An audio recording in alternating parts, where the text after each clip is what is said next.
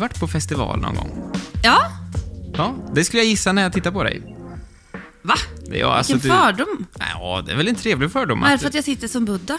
Dels, och sen så är det för att du, du ser ut som att du gillar att gå på musikevenemang till exempel. Du gillar sociala tillställningar. Ja. Mm. Och det syns i min blick, menar du?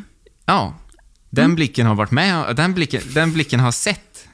Den har varit med några år. Och då gissar jag att du har eh, gått på toalett? Måste vi prata om det i Ja, vi sändning? måste det, för idag handlar det om toaletter nämligen. Jaha, okej. Ja, men Så ja, bara tänkte jag, så här det har klassiska... hänt. Det har hänt. Ja, Även om man försöker undvika det. och det gick bra liksom. Ja, för, men det gick ju rykten om att vissa välte utedass. Jo. Så man, man, känner du till det ryktet? Ja, alltså jag har aldrig sett det själv. Men man var ju livrädd varje gång man satt på utedass. Ja, eh, jag stod. Ja. Nej, jag vet inte. Men det är ju inte lika illa det. Det är ju typ sämre om man står, tror jag. Ja, jag, jag, jag vågar inte ens tänka på vad som Nej, hade hänt. Men rykten gick att det fanns vissa på de här festivalerna som bara eh, välte Ja, utedass. det fanns till och med rykten om den så kallade... Nej, jag vill inte säga vad Jo, han ja, men jag vet. Pipmannen. Ja. ja, ja då, som, som doldes där nere liksom. ja. Och, och Men då har vi nog samma referensramar. samma referensramar om utedass. Vad kul. Ja. Eh, och när man går på ett utedass där, då kan man ju känna, bara, "Åh, har du? Ja, ja. Jag hade nog ha- haft det bättre om jag hade kunnat välja liksom. Den där upplevelsen, det vill man ju inte ta med sig till exempel. Om du säger att du har en sommarstuga, har du sommarstuga? Mina, min pappa har. Och jag är uppvuxen med utedass, kan man säga. Ja. Hur är det utedasset? Ja, men gud. Det, Det är som- trevligare eller? d- när jag var liten och hängde mycket på sommarhuset. På utedass? Ja, Ja. men det, alltså på riktigt så var utedasset ett av de bättre upplevelserna. ja. Det var, det var liksom en del av... Vad var det som gjorde det bra? Eh, man låste inte, utan man hängde upp en liten flagga för att eh, visa att nu är det upptaget. Och sen så man, satt man alltid med öppen dörr ut mot en stor grönskande flagg. äng. Flaggsystemet, ja. Det, varför Ja, kör men de inte det på festival? Och så satt man, man satt och tittade ut mot en stor grönskande äng. Mm. Ingen insyn. eller? Det minns jag inte. Eller var det öppen dörr? Ja, man satt med öppen dörr, för det var, man satt, det var så långt bort från liksom där alla bodde. Ja, då kan vi utesluta fönstret. Och sen så satt eh, man och Fönster kan läste man inte gamla... heller köra på festival. Nej, det är Ursäkta att jag avbryter Fönster- så Ja, det är jättegott. Jo, och sen så satt man och läste gamla damtidningar från 40-50-talet. Som Ja. var så dammiga, som, som förra ägaren hade lämnat kvar. Ja, och så på golvet så gick det små, små ödlor som tappade svansen varje gång de var rädda. Ja, men de var gulliga. Vad kunde det stå i damtidningarna? Men tips om att baka för husfruar och sådär. Okej. Och jag var 12 och satt och visslade och... Ja men gud, man vill aldrig lämna det där utedasset. Nej, nu men har du nu, gjort det. idag, så är jag rädd. Ja. Ja, eh, men och det så här är alla har inte så som du hade på det där utedasset. Det finns utedass som, eh, som lämnar en del i övrigt att önska. Typ vad då, Oskar? Ja, men komfort, doft, skydd och sådana saker. Skydd? Skydd från odör och sånt. Jaha. Ja, och idag ska vi prata med Karin Haberman. Hon är CDO och medgrundare på Harvest Moon, som Moon, som håller på och eh, tar fram, eller om de, vi får kolla med henne hur långt de har kommit då, men det är alltså en toalett som, ska, det, är- det är ett utedass 2.0. Det, det, det, som, det som det gör, det är att det samlar ihop och så separerar det, det som kommer ut och så, så blir det här i princip färdigt gödsel då, som du kan använda till blomrabatterna och sånt där. Så det blir ett ekosystem av det du, ja, det du håller på med. Ägnar dig åt, du äter mat och grejer och sen så gör du, du kan odla i det där också så blir det full circle verkligen. Ska vi göra som så, vi ska ringa till Karin idag. Eh, hon kommer inte hit, vi kommer inte kunna ses så mycket med våra gäster i, i nuläget såklart, utan vi ringer runt istället. Ja. Men det är vi vana vid i den här podden också. Vi är duktiga på det där med att ringa. Har du nummer? Ja. Ja, då ringer vi här. Ja. Jag heter Karin Haberman och är designansvarig på Harvest Moon. Och medgrundare, va? Ja. Vi utvecklar en toalett som återvinner näringen från mänskligt avfall. Och eh, näringen från det som vi äter, det måste ju tillbaks till jorden. Och eh, idag har vi ju rubbat det systemet. Det är ju tänkt som ett kretslopp. Att eh, näringen från maten ska åter till jorden som näring. Men så ser det inte ut idag. Eh, och det ekosystemet vill vi återskapa. Karin, innan vi egentligen kommer in på själva Harvest Moon, så är det, du har jobbat med industri, industriell design, både som konsult och inhouse på olika företag och organisationer. Stoppa mig om det är något som inte stämmer såklart. Och Nej, på, det stämmer bra. Ja, och på senare år så har du valt att enbart jobba med cirkulär ekonomi och hållbarhet. Saker som funkar i längden egentligen. Då. Och, och jag är nyfiken på när det skiftet kom och varför. Ja, men för mig var det ju så att jag hade jobbat superkommersiellt och som designer så eh, när man söker jobb så sätter man ihop en eh, portfölj med sina produkter eh, och för att gå och visa för eh, potentiella arbetsgivare. Och när jag satt och skulle göra det 2012 så kände jag att jag kan liksom inte bara fortsätta att eh, sätta nya produkter på marknaden utan att känna att de har en tydlig mening. Mm. Så då började jag eh, fundera på hur jag skulle kunna jobba med någonting som kändes hållbart och ansvarsfullt. Och därifrån så hamnade jag då på KTH och det var 2012 och runt 2013 kanske jag kom i kontakt med cirkulär ekonomi som var väldigt nytt då och eh, det var ett ganska okänt begrepp för många. Och för mig var det väldigt mycket försöka förstå hur kunde jag som designer jobba med hållbarhet på ett sätt som var positivt, på något sätt som liksom gav en strategi och en riktning. Och det var därför jag blev intresserad av cirkulär ekonomi. För att det handlar ju om hur vi hanterar material. Mm. Och eh, det kan ju jag som designer påverka jättemycket. Jag kan ju påverka vilka material man jobbar med. Jag kan ju påverka hur produkten är konstruerad. Jag kan påverka hur den kommer användare till handa, om det är liksom uthyrning eller om det är försäljning, om det är bra kvalitet eller om det är sämre kvalitet. Så alla de där aspekterna är ju som, som man som designer kan hantera. Så mm. därför, men då handlar det ju om att förstå, när jag tyckte att när jag började jobba med hållbarhet så var det fortfarande väldigt mycket att hållbarhet det var liksom besvärligt för företagen, det var dyrt, den här omställningen skulle kosta jättemycket pengar. Mm. Och då handlar det om att hitta strategier när är hållbarhet också lönsamt? Så att, att liksom börja med eh, liksom de lågt hängande frukterna, sånt som jag kunde påverka. För jättemycket av hållbarhet handlar ju om hur, vad vi har för policies, vad, hur ser samhället ut, hur ser våra ekonomier ut? Mm. Och det är ju väldigt svårt att påverka som individ. Man kan ha en viss påverkansgrad förstås, men att utforma produkterna så de blir mer hållbara, det är ju väldigt konkret och behöver inte alltid vara så himla svårt heller.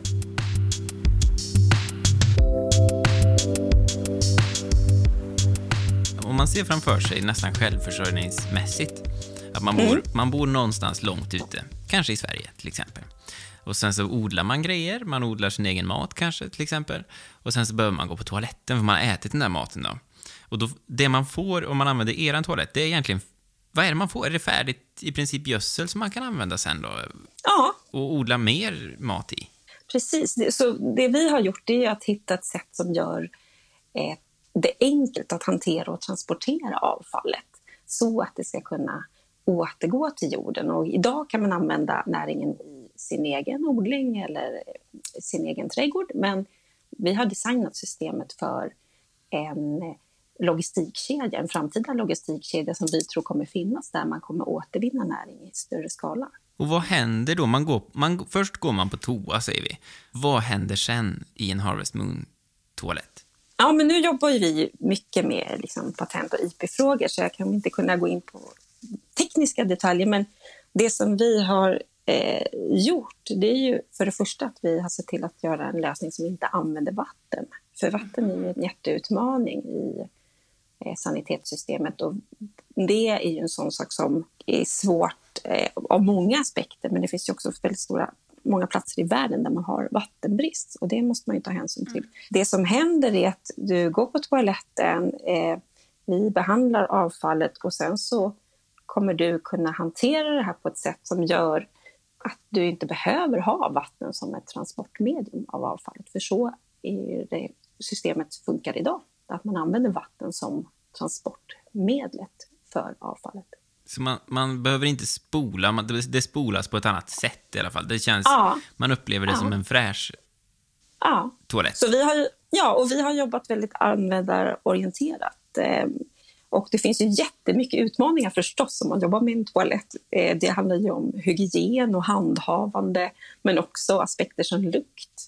Mm. Så det är ju, där måste man ju jobba väldigt fokuserat på vad accepterar användaren i fråga om de här aspekterna och utforma toaletten på ett sätt som gör det till en attraktiv upplevelse. Vad skiljer det här från ett utedass? Men vi jobbar då, dels så använder vi en då urinseparerande lösning, så att mm. man separerar urin och fekalier. Och som det funkar på ett utedass till exempel, så kan, kan det ju ibland eh, lukta ganska illa. Och det har att göra med att eh, näringen som finns i urin eh, ger näring åt också bakterier i fekalierna. Så det, mm. eh, och att det avgår mycket ammoniak. Så det har vi jobbat med att lösa. Då. Det låter ju inte som en toalett man i första hand har hemma hos sig i sin lägenhet till exempel, utan det låter ju som någonting som är riktat mot som, mer sommarstugor och, eller ställen där man behöver odla i alla fall. Eller vad, vad tänker ni där? Ja, men det, för det första tycker jag att det är superintressant att eh, om man tittar på en global skala så ser ju våra kroppar eh, i princip likadana ut. Så även om det finns stora globala skillnader i de behov man har så finns det även stora likheter i eh, den produkt man behöver. Men som vi ser det så eh, vår målsättning är att börja med den svenska fritidshusmarknaden och här har vi liksom en vana vid torra toaletter. Så det är ju tacksamt på det sättet. Och sen så ser vi ju på sikt att det, det har möjlighet att eh, vara en produkt som fungerar på en global marknad. Mm. Och då finns det ju 4,2 miljarder människor i världen utan säker sanitet. Och vi kommer ju inte kunna nå alla, men förhoppningsvis en del av dem. Ja, vad är målet där på lång sikt? Men vi har ju designat vår produkt för att den ska kunna skalas, så att den kan produceras till ett bra pris och eh, nå så många som möjligt. Och vi tror jättemycket på att den här vattentoaletten som idag utgör normen för god sanitet utgör ett ganska stort hinder för att eh, bra toaletter ska få spridning i världen. Och jag tycker att det är ganska intressant att 80 procent av alla vattentoaletter i världen säger man går ut helt orenad. Eh, så det vattnet går ut orenat och det är ett jätteproblem. Eh, det behöver inte nödvändigtvis vara ett problem för de som har toaletterna, men det kan vara ett problem för de som bor omkring eller nedströms. Det innebär att man, det passerar inte ett reningsverk, utan det går ut i, ja. i någon sorts vattendrag eller hav? Eller? Ja, helt orenat. Ja, mm. precis. Och då är det en och, en och annan snus. Nej, det är det inte kanske globalt, men det är något, det, det är papper och det är skräp och det är... Ja. ja. Ja, och det är ju, ja, och det är ju jättemycket smitta. Så att, mm. eh, det är ju den stora utmaningen. Det finns ju jätteproblem knutna till sanitet. Och det man säger är att en investerad krona i sanitet ger fem fall tillbaks. För att dåliga toaletter eller brist på toaletter drar ner hälso, hälsan och produktiviteten så mycket i ett land att det får sådana enormt stor ekonomisk påverkan också, förutom förstås allt lidande.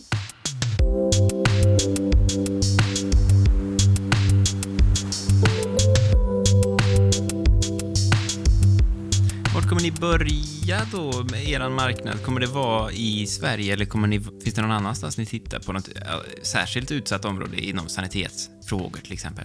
Nej, men vi tänker att vi börjar i Sverige. Vi tror på att vara nära användaren och vi tror på att testa den i mindre skala eh, eh, lokalt.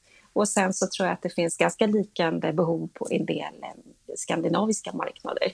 Det får bli vår startpunkt och sen får vi se hur vi går vidare därifrån. Och när kan man, när eh, kan man prova en Harvest Moon-toalett? Vår målsättning är ute första, eh, första, en första försäljning till nästa sommar och i mindre skala för att testa eh, produkten. Och sen så eh, hoppas jag att vi om inom några år har en produkt som kan skala globalt. Jag är nyfiken på om ni har jobbat mycket med målgruppsundersökningar och frågat kring ja, vad, är, vad är era behov och sådär, liksom, för, för, att komma fram till... Du pratar om att ni jobbar väldigt användarorienterat nämligen. Ja, men det har vi gjort och vi har testat med användare, vi har haft användarstudier och, eh, workshops. Eh, sen pratade vi faktiskt igår om att en fördel med att jobba med de här produkterna, det är ju att det är ju, det blir, går det fel så blir det ganska äckligt. Så eh, väldigt mycket kan man testa själv också. Eh, för att eh, det blir väldigt uppenbart om det går snett och om det är en dålig användarupplevelse. Ja, och där kan man till och med vilja bespara målgruppen i testerna, gissar jag. Just det är ju känsliga, Ja. det är känsliga grejer på ett sätt. Ja, och vi har faktiskt testat produkten i större skala med eh, ja, 40-50 personer, men eh, då var vi ju tvungna att vara väldigt säkra på att det inte kunde gå snett, för man kan liksom inte utsätta an- användaren för att det blir en dålig, riktigt dålig toalettupplevelse. Nej, det vill man inte ha. Nej. så, så där måste vi vara rätt säkra. Och ofta också om man vill testa en toalett så måste man ju vara säker på att den alltid fungerar. Den måste ju fungera hela tiden, för det kommer inte kunna vara utan. Men det här låter så... Det låter ju helt fantastiskt här tycker jag. Men, och ni är först i världen med den här lösningen, alltså? Ja, vi tror att vi är först i världen med just den här lösningen, men det är ju ett jätte eh, område som jättemånga människor jobbar med. Och, eh, Bill och Melinda Gates Foundation har ju skjutit till massor med finansiering för att eh, olika företag och eh, universitet ska kunna arbeta med det här eh, globalt och lösa alltså, de stora sanitetsutmaningarna globalt. Det är många som Eh. behöver gå på toa. Det är många, och så där har vi målgruppsmässigt kan man säga att det är ju inte problemet att marknaden inte finns, utan problemet är ju att inte lösningarna finns. Men det vi tycker är intressant är ju också att vi ser att det finns jättemycket potential till bra lösningar, men det har ju saknats finansiering. Det har inte varit ett prioriterat område. Och jag tror att eh, dels med ökade insikter om cirkulär ekonomi och en förståelse faktiskt för hur kretsloppen bör fungera och att man ser bristerna med dagens system som skapar övergödning, som skapar problem med läkemedelsrester i ekosystemen och eh, använder väldigt mycket vatten. Så tror jag att man nu börjar få upp ögonen för att de systemen är inte särskilt bra. Och de kan inte skalas globalt och de funkar sådär även i Sverige.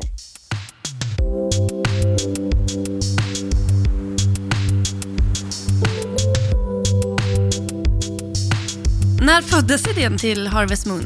2016 så grundades företaget och sen så kom vi igång riktigt ordentligt under 2017 när vi hade fått finansiering från Vinnova för att dra igång ett eh, projekt. Eh, så att eh, det var ju startskottet. Så det tycker jag väl, om man ska ge någon rekommendation, att försöka få den där lite initiala finansieringen för att kunna kicka igång någonting. Det är ju ganska avgörande. Och nu pratade du om att du befinner dig, eller ni befinner er i en patentprocess egentligen. Ja, Ja, och, då, och, och första försäljningen skulle kunna ske i, i liten skala till sommaren nästa år. Det innebär att ni behöver bli färdiga med den patent, eh, patentprocessen. Men vilka mer utmaningar finns nu framåt för er för att det här ska bli eh, norm och mainstream och det ska liksom varje sommarstuga att det här blir en foppatoffla, så att säga, i, i sommarstugan. Nej, men eh, jag tror att eh, vi ser en jättestor normförskjutning nu. När vi pratar om att vi gör en toalett som inte använder vatten så är det ingen som höjer på ögonbrynen utan eh, den generella reaktionen är fantastiskt, jättebra. Medan det för några år sedan var mycket mer tveksamhet kring den här typen av produkt. Så där tror jag att eh, vi, tiden jobbar med oss, att det är timingmässigt eh, bra. Eh, men sen finns det ju förstås massa utmaningar eh, för att få en produkt på plats. Men i vårt fall skulle jag säga att det handlar väldigt mycket om finansiering, att se till att vi har tillräcklig finansiering för att eh, få ut produkten på marknaden. Vad händer om alla i till exempel en by byter ut sina toaletter till Harvest Moon-toaletter? Ja, men, eh, dels så skulle man ju undvika jättemycket kostnader för anläggningsarbeten och eh, eh, om man ser hur det ser ut i Sverige till exempel så, så kan man ju bli påtvingad att ansluta sig till avloppssystem. Och det, den typen av situationer kan man ju undvika och det kanske skapar mer liksom, valfrihet. Men om man tänker sig att en hel by skulle ställa om, det skulle ju göra att vi kunde ta hand om enorma mängder näringsämnen. Och om man då tittar på kopplingen till gödsel så gör det att vi kan återvinna näringen från mänskligt avfall istället för att producera konstgödsel som skapar jättestora problem med att det använder enorma mängder naturgas. Och, eh, man bryter fosfor och, eh, för att skapa gödsel. Så att det är ju den ena sidan av saken. Ur ett eh, mer liksom personligt perspektiv, om man då till exempel inte har en riktigt bra toalettlösning, ja, men då kan det ju här vara ett sätt att få den. Har man en annan dåligt, kanske man kanske har ett dåligt fungerande avlopp, då kan det ju här vara ett sätt att få en ganska billig lösning som har eh, en likvärdig prestanda till mycket lägre kostnad och som är mycket bättre ur ett miljöperspektiv. Du, det låter underbart och vi hoppas ju att det blir eh, så. Vi vill att ni håller oss uppdaterade, Karin. Berätta, för att ringa Ja. oss ibland och berätta hur det går. Och liksom, Ja, När vi kan få prova en. ja, till exempel. Ja. Och nästa sommar. ja. Och, sådär. och vi tackar dig också, Karin. Tusen tack för Ja. att du var med. Ja, ja tack själv. Ja, vad härligt att få höra lite värmländska också. Ja. Det Det, det bjuder ja, på. Ja. ja, men min morfar är uppvuxen i Karlstad så det känns som, och tillbringat många somrar i Dalsland. Så. Ja. Ah. Ja. ja, men jättebra. Ha det så bra. Tusen tack, Detsamma. Karin. Ja, Ha det. detsamma. Ha det bra. Hej. Hej då.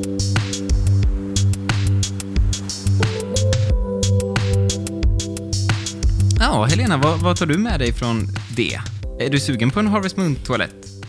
Ja, men jag är sugen på att prova. Alltså, alltså, jag tycker det är en fantastisk... Jag tänker inte rent provaspekten. Jag tror inte det är någon skillnad. Liksom. Du kommer inte uppleva så stor skillnad. Om du... Nej, men jag tycker det är en fantastisk idé. Jag tycker... Ja, man blir nyfiken. Nu är det patentet hemligt av dig. Det märkte du. Man får inte se, hur det funkar så här, men att på något sätt så ska det vara enkelt att transportera och jag tänker, det där är jag nyfiken på. Det, det skulle jag verkligen vilja se längre fram, hur det går till då som användare. Ja, nu, nu har jag gjort det ska. Nu har vi, hej familjen, nu har vi gjort det vi ska här i ett par dagar eller veckor eller vad lång tid man nu ska ta liksom. Innan det är fullt. För det är någonting blir fullt gissar jag. Och då är det viktigt att man gör nästa del. Och det är att man transporterar det här. Och det är jag nyfiken på. Hur ska det, hur ska det gå till då? Liksom? Ja. Kanske, du vet, alltså i min värld. Har, du har sett en robotgräsklippare någon gång? Ja. Farmor har en sån till exempel. Hon, hon har döpt den till Oden. Och, Oj. och runt. Har han ett eget hus också? Den har ett eget litet hus, ja. Ja. Hon, hon pratar med den där ibland. Liksom. Ja. Ja. Det där tänker jag, det kanske man skulle också kunna kombinera egentligen. Att den där Oden löser liksom. Oden åker och fixar det där sen. Mm. Det är framtiden, Oskar. Mm. Ja, det är det definitivt. Och det är inte så långt fram heller, utan det är ju nästa sommar då. Till exempel.